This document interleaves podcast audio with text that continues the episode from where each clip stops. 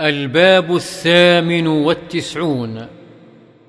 باب استحباب الذهاب إلى العيد وعيادة المريض والحج ونحوها من طريق والرجوع من طريق آخر لتكثير مواضع العبادة.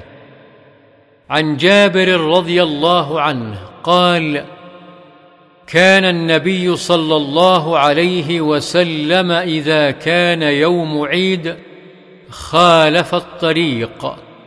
رواه البخاري.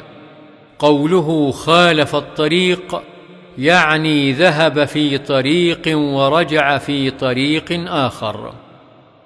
وعن ابن عمر رضي الله عنهما أن رسول الله صلى الله عليه وسلم كان يخرج من طريق الشجرة ويدخل من طريق المعرس وإذا دخل مكة دخل من الثنية العليا ويخرج من الثنية السفلى متفق عليه.